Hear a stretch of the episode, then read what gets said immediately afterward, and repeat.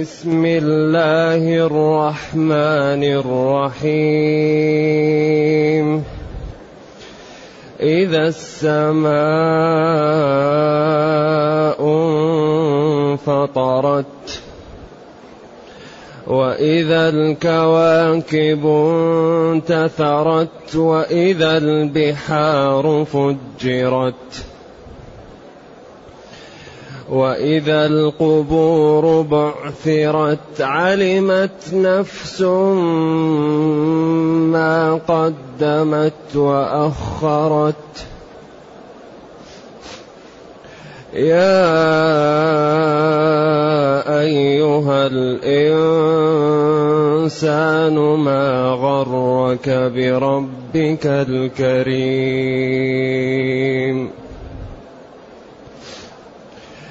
يا أيها الإنسان ما غرك بربك الكريم الذي خلقك؟ ما غرك بربك الكريم الذي خلقك فسواك فعدلك؟ في أي صورة ما شاء ركبك. كلا بل تكذبون بالدين وإن عليكم لحافظين. وإن عليكم لحافظين كراما كاتبين كراما كاتبين يعلمون ما تفعلون إن الأبرار لفي نعيم وإن الفجار لفي جحيم يصلونها يوم الدين وما هم عنها بغائبين.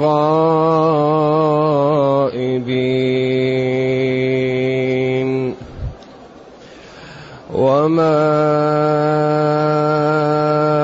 أدراك ما يوم الدين. وما أدراك ما يوم الدين. ثم ما أدراك ما يوم الدين. يوم لا تملك نفس لنفس شيئا. يوم لا تملك نفس لنفس شيئا والأمر يومئذ لله. الحمد لله الذي أنزل إلينا أشمل كتاب وأرسل إلينا أفضل الرسل وجعلنا خير أمة أخرجت للناس. فله الحمد وله الشكر على هذه النعم العظيمة والآلاء الجسيمة. والصلاة والسلام على خير خلق الله وعلى آله وأصحابه ومن اهتدى بهداه. ثم يقول جل وعلا إذا السماء انفطرت. هذه الانفطار وهي مكية باتفاق وهي نفس السورة السابقة. إلا أن السورة السابقة لأنها من أوائل ما ما أنزلت أسهب فيها في أوصاف القيامة. وهذه السورة أوجز فيها. انفطرت تشققت كما تقدم. وإذا الكواكب انتثرت سقطت في الأرض. وإذا البحار سجرت الأقوال الموجودة فيها. فجرت يعني فتحت على بعض أو ولعت فيها النار. وإذا القبور بعثرت قلب ما فيها. القبر كان فيه ما كان داخله طلع فوق طلعت الناس من القبور. علمت هي جواب إذا. نفس أي كل نفس.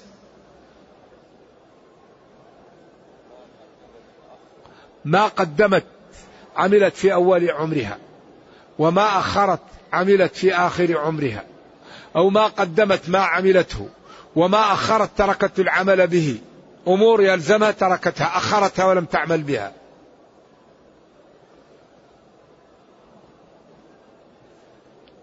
إذا إذا خرج الناس من القبور عند ذلك يأتيهم كتبهم ويذكرون بكل شيء علمت نفس ما عملت وما قدمت وما أخرت.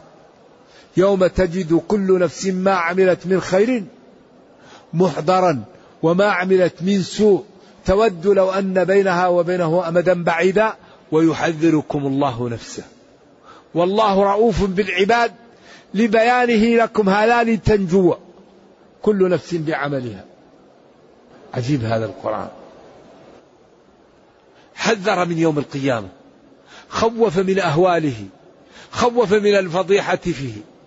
خوف من حره. خوف من العرق الذي يلجم بعض الناس. ولذلك لا عذر. يا أيها الإنسان الإنسان الجنس جنس الإنسان أو العهد الذي كان قبل ما غرك بربك الكريم؟ ما الذي جعلك تغتر ولا تشكر؟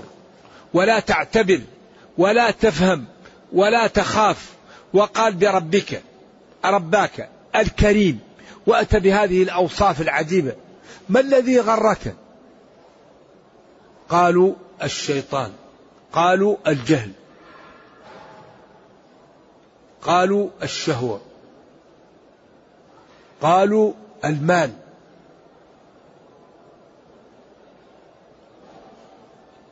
وأكبر شيء يغر الجهل. لأن الإنسان إذا تعلم يحمي نفسه من الشياطين ويخاف. فيبتعد. كل ما تعلم الإنسان كل ما خاف. وكل ما خاف الإنسان كل ما سلم ما غرك؟ ما استفهامية أي شيء غرك؟ بربك. الرب هو السيد والمالك والمدبر. وهو الله. والتعبير بالرب فيه نوع من التأليف. الكريم الذي لا يرد سائلا.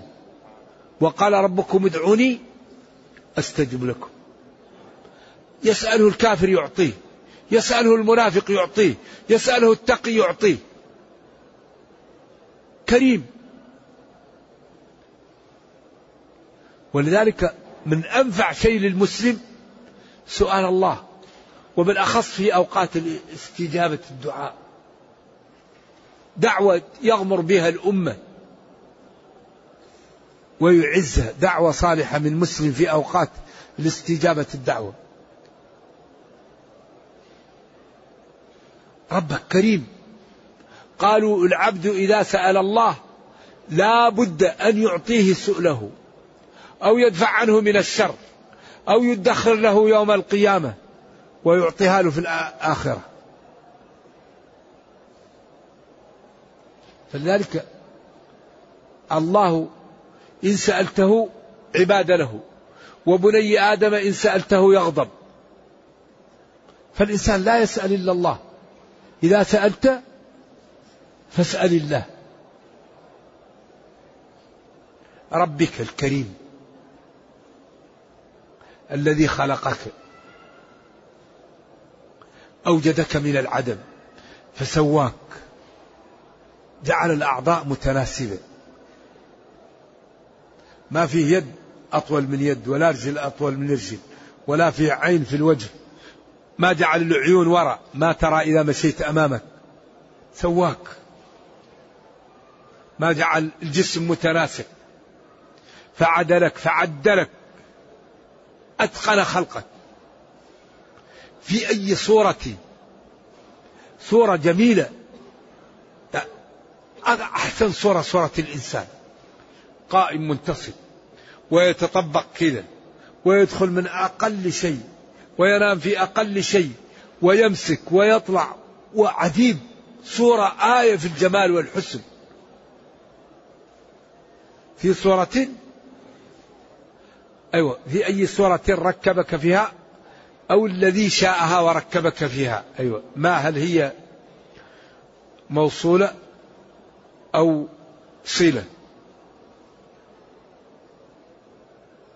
ركبك هذا التركيب الذي شاءه وهو بديع. جعل الإبهام بعيد من السبابة لكي تحل تعقد ولو جعل الإبهام والسبابة مع بعض ما تستطيع أن تحل ولا تعقد وتعمل الصناعات الدقيقة. وجعل الأسر قوي قال نحن خلقناهم شددنا أسرهم. وأعطاك عين عذبة تحت اللسان تجم لك على قدر الحاجة. وأعطاك هذه اللحمة التي تبين لك عما يجيس في صدرك. لو لم تكن تستطيع أن تتكلم تتألم ما تستطيع أن تعبر عما في قلبك. علمه البيان.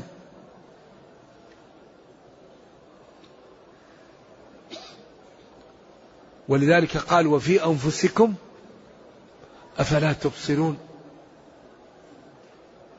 الأذن التي ليست لها غطاء فيها مادة تشفر الحشرات. الأنف عندك ملائكة يحرسونه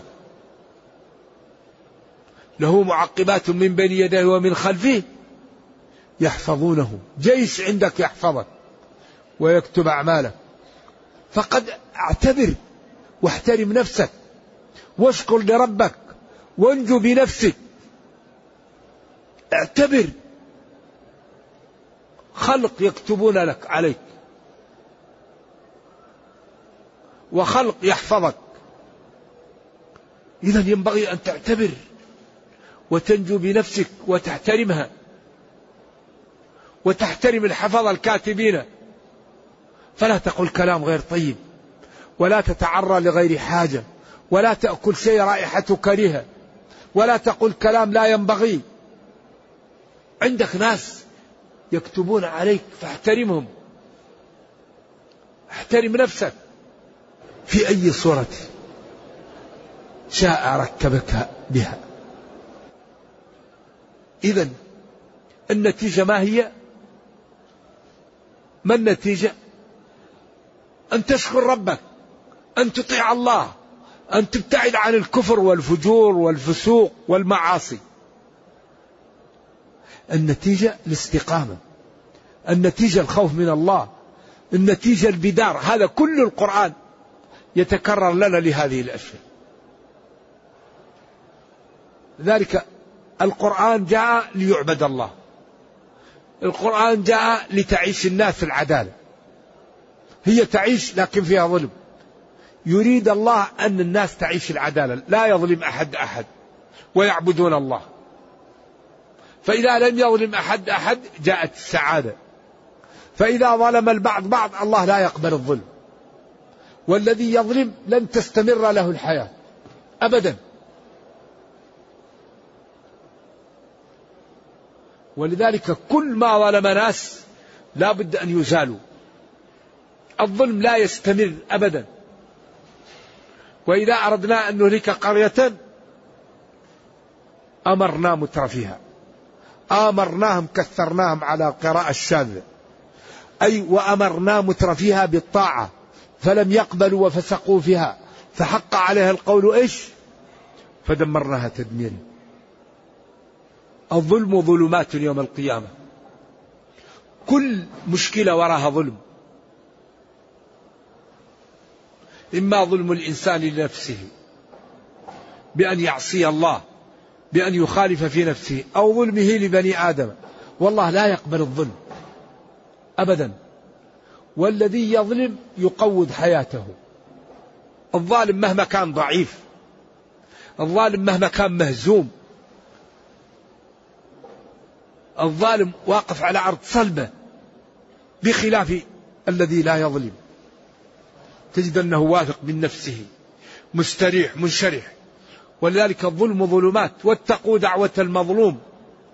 فالذي يظلم مثل الذي يجعل في طريقه العراقيل. فلذلك حذاري من الظلم. ظلم نفسك ظلم الناس. لا تظلم. لا تظلم وما أردته يعطيه الله لك. كلا ليس الأمر كما تدعون أو كما تقولون بل تكذبون بالدين تكذبون بالقرآن وبما جاء به النبي صلى الله عليه وسلم وبرسالته. وإن عليكم لحافظين. إن توكيد. عليكم أيها المكذبون المخاطبون. لحافظين تأكيد لأنهم هما يقولوا ما فيه بعث ولا فيه شيء. كراما.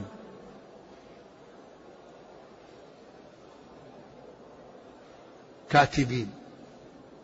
ما يلفظ من قول إلا لديه رقيب عتيد. يعلمون ما تفعلون وهذا ترهيب وترغيب. هنيئا للمتقي ويا ويل العاصي. كراما جمع كريم. كاتبين أعمالكم عليكم سخرهم الله لذلك وأخبركم بذلك. ولم يكتب عليكم أعمالكم سرا. قال لكم أنا خلقتكم وأريد منكم طاعتي وأريد منكم اتباع شرعي ومن كفر منكم فإني سأدخله النار ولا يخرج منها. وبين ذلك وكرره ووضحه بأساليب متفرقة غاية في الجمال والبلاغة والإعجاز. وإن عليكم أيها المخاطبون كراما ملائكة كرامة كاتبين ما تفعلون ما تقولونه وما تعملونه. ثم وضح ذلك. إذا ما الذي تكتبه وما الذي يكون؟ وأنتم بالنسبة لهؤلاء الملائكة منقسمين إلى قسمين. إن الأبرار جمع بر أو بار لفي نعيم لفي الجنة. من هم الأبرار؟ الذي إذا رأى منظر حرام غض بصره. الذي إذا سمع كلاما حرام سك أذنه. الذي إذا وجد صفقة مربحة فيها ربا تركها. الذي إذا قالت له أمه أو قال له أبوه أحتاجك الآن وهو مع بنيه يتمتع بأهله وبأولاده وفي بيته تركهم وذهب لوالديه. الذي إذا ظلمه جاره الضعيف خاف وتذكر قوله ما زال جبريل يوصيني بالجار حتى ظننت أنه سيورث فكتم غيظه وقال لجاره سلام. هذا هم الأبرار؟ الذي إذا كان في آخر الليل وسمع حي على الصلاة وهو في نعاس شديد خاف وقام من, من فراشه المريح ومن نومه الممتع وذهب إلى الصلاة. الذي يترك شهوته وشرابه لأجل أن يعطش ويصوم لله. هذول الأبرار. هؤلاء إيش؟ في نعيم. نعيم لا ينفد. نعيم لا فيه ما تشتهيه الأنفس وتلذ الأعين وهم في هذا النعيم خالدون. هذا الذي ينبغي أن يبذل له. ينبغي أن يتعب له. ينبغي لواحد أن ترتفع همته حتى يكون من أهل الجنة.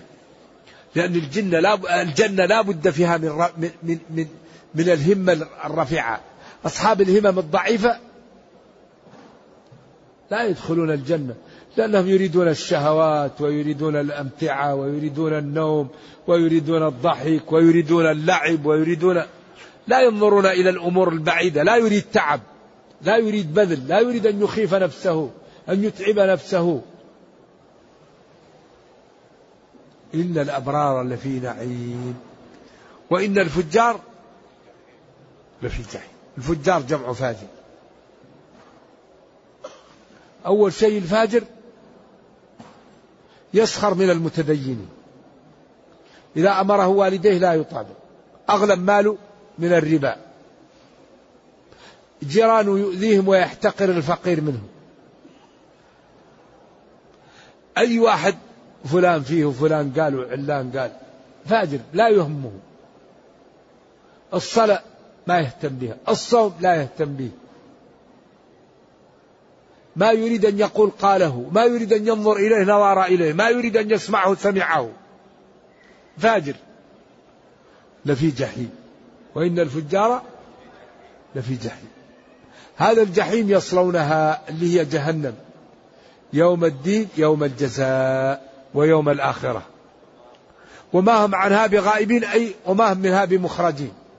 كلما نضجت جلودهم بدلناهم جلودا غيرها. كلما خبت زدناهم سعيرا. النار مهواكم خالدين فيها. نرجو الله السلام والعافية. طيب أبعد هذا؟ الواحد لا ينتبه. أبعد هذا البيان؟ واحد لا يأخذ لنفسه من نفسه. وما أدرك ما يوم الدين. ما أعلمك ما يوم الدين. يوم الدين يوم الجزاء يوم إحقاق الحق. ما أعلمك هذا مال التهويل. يوم لا تملك نفس. ثم ما أدرك ما يوم الدين. ثم هنا أصلها للمسافة وهنا لبعد. الأمر هنا والهول وشدته. فجاء بثم التي تدل على بعد في, في, الهول وفي الفظاعة وفي الخطورة وفيما يقع في هذا اليوم. فعبر عن الزمن أو المسافة بالهول الذي يقع في هذا. استعارها هنا. يوم لا تملك نفس لنفس شيئا. هذا اليوم ما فيه واسطة. ما فيه صديق. ما فيه ولد. ما فيه بن عم ما فيه رصيد ما فيه إلا عمل عملته في الدنيا. لا تملك نفس لنفس شيء ولا تنفعها شفاعة ولا يؤخذ منها عدل. فلن يقبل من أحدهم من الأرض ذهبا ولو اشتدى به. لو فرضنا أنه عنده. لا تملك نفس لنفس شيء. والأمر يومئذ والأمر إما أحد الأوامر أو الأمور أو هما معا. كل شيء الأوامر والأمور وكل شيء في ذلك اليوم لله ولا يملك مخلوق شيئا. الملك يوم القيامة لله الأمر جميع لله والخلق خائفون طائعون منقادون والأمر كله بيد الله. وهذا من رد العجز على الصدر. وهذا الذي بدأت به السورة ختمت به. وهذا من إعجاز القرآن. إذا الأمر سهل. والحل بين أيدينا. فكل واحد ما وجب عليه يفعل منه ما يستطيع. وما حرم عليه يتركه. وما أراده يعطيه الله له.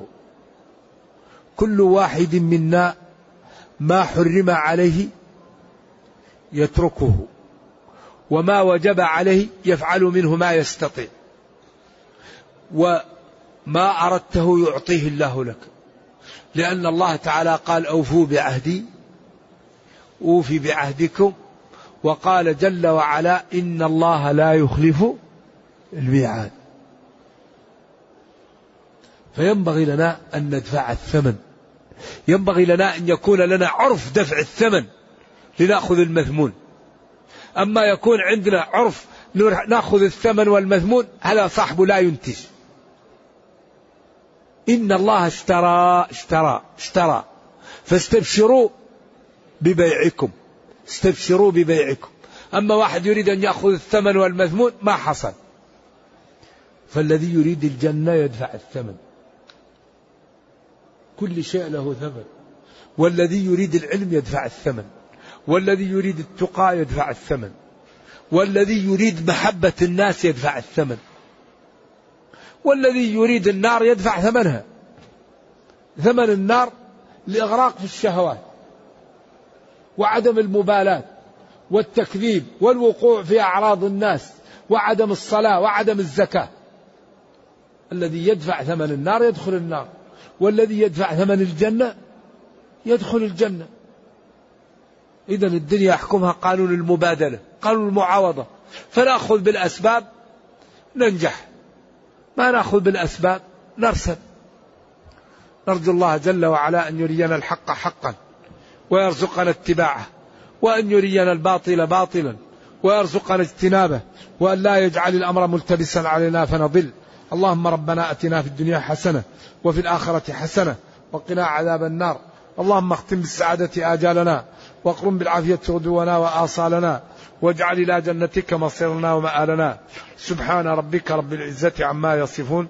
سلام على المرسلين والحمد لله رب العالمين. وصلى الله وسلم وبارك على نبينا محمد وعلى آله وصحبه. والسلام عليكم ورحمة الله وبركاته. هذا سائل يسأل يقول ما حكم صلاة التطوع ما بين الظهر وبين العصر؟ يعني من الظهر إلى العصر. صلاة التطوع مفتوح بابها. لكن فيه صلوات مؤكدة سنن راتبة. وفيه صلوات مفتوحة. من صلى ركعتين لا يحدث فيهما نفسه غفر له ما تقدم من ذنبه. وصلاة الليل مثنى مثنى. فالمسلم إذا كان عنده وقت يريد أن يصلي أي وقت يصلي لكن في ثلاثة أوقات منع من الصلاة منها. الحكم جائز لكن في شيء سنة وفي شيء مباح. فالذي يجعل المباح سنة هذا لا ينبغي. والذي يجعل السنة غير سنة لا ينبغي. وكل شيء يوضع في محله. فالصلاة مباحة من وقت ما تطلع الشمس وترتفع قيد رمح حتى تصل إلى كبد السماء. ينهى عن الصلاة حتى تزول عن كبد السماء. تبقى الصلاة الصلاة مباحة حتى يصلى العصر. يكف عن الصلاة حتى تغرب الشمس. إذا ثلاثة أوقات منهي عن الصلاة فيه. بعد العصر حتى تغرب الشمس وبعد صلاة الفجر حتى ترتفع الشمس قيد رمح وعندما تكون الشمس في كبد السماء حتى تزول. وعند الإمام الشافعي أن ذوات الأسباب خارجة عن النهي. أما عند الجمهور فهذه يتعارض الأمر مع النهي. قال لا صلاة بعد العصر وقال إذا دخل أحدكم المسجد فلا يجلس حتى يصلي ركعتين فهو عام وخاص من وجه فالشافعي قال ذوات الأسباب خارجة عن النهي والجمهور قالوا يقدم النهي على الأمر فيجلس الإنسان ولا يصلي في هذه الأوقات لقوله ما أمرتكم به فأتوا منه ما استطعتم وما نهيتكم عنه فاجتنبوه وقول الشافعي أسعد بالدليل. لأنه قال يا بني هاشم لا تمنعوا أحدا طاف بهذا البيت أن يصلي ساعة من ليل أو نهار وذلك يدخل فيه بعد العصر وبعد الفجر. ولأن النبي صلى الله عليه وسلم رأى رجلا يصلي بعد الصبح ركعتين فقال آه الصبح أربعا. قال لا عاجلتني الفريضة قبل أن نصلي ركعتي الفجر فأقره على ذلك. والحديث في السنن وأقل درجاته صالح للاحتجاج. فهنا أدلة وهنا أدلة وهنا راجح وهنا راجح. وكون أن هذا راجح راجح عندي أنا أو عند الإمام الشافعي لا يجعله راجح عند الإمام أحمد أو عند مالك. فلذلك هذه الأمور كل واحد يأخذ بما يرى ويرفق بالمخالف. والجنة أبوابها ثمانية. الواحد يعمل بما يراه راجحا ويرفق بالمخالف. والشريعة لما وضعت متحملة للخلاف. ما في شيء أوضح من اغسلوا وجوهكم. اختلفوا في اغسلوا واختلفوا في وجوهكم. هل الغسل إمرار الماء أو لازم من الدلك؟ وهل ما بعد العارض من الوجه أو ليس من الوجه؟ فالشريعة متحملة للخلاف. فلا نضيق واسعا ولا ترغم الناس على ما ترى. ولكن قل لهم أنا أرى هذا راجح. ما رأيكم لو عملتم بهذا؟ وفي فرق بين الإنكار وبين النصح. الإنكار يكون في المجمع على إنكاره. أما مسائل الخلافية فيكون فيها الرشد ويكون فيها النصح وخلاف الأولى. والأولى هذا الذي أدعوك إليه أولى. لأن ما في أحد قال إن ما تفعل واجب. ولكن في من قال جائز وفي من قال مكروه وفي من قال حرام. إذا تعال معي على هذا الذي أنا عليه.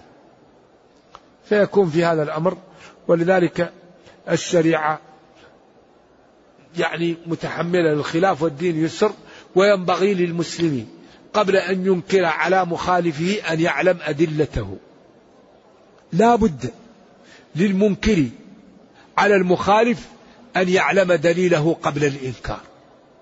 لأنك إذا علمت دليله قد تترك ما عندك وتكون معه.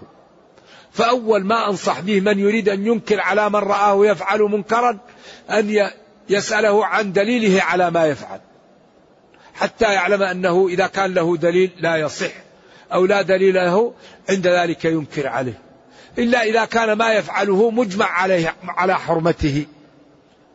كمثلا أشياء لا يختلف فيها. سائل يسأل يقول ما المراد بالحديث ما بين بيتي ومنبري روضة من رياض الجنة اختلف العلماء في هذا. قالوا هل هذا المحل فوق الجنة؟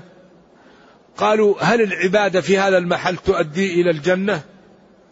وهذا الأسلوب في الجملة يدل على فضل ما بين بيته ومنبره. صلوات الله وسلامه عليه. هذا الأسلوب في الجملة يدل على فضل هذا المحل. أما المقصود به الله أعلم به. نعم.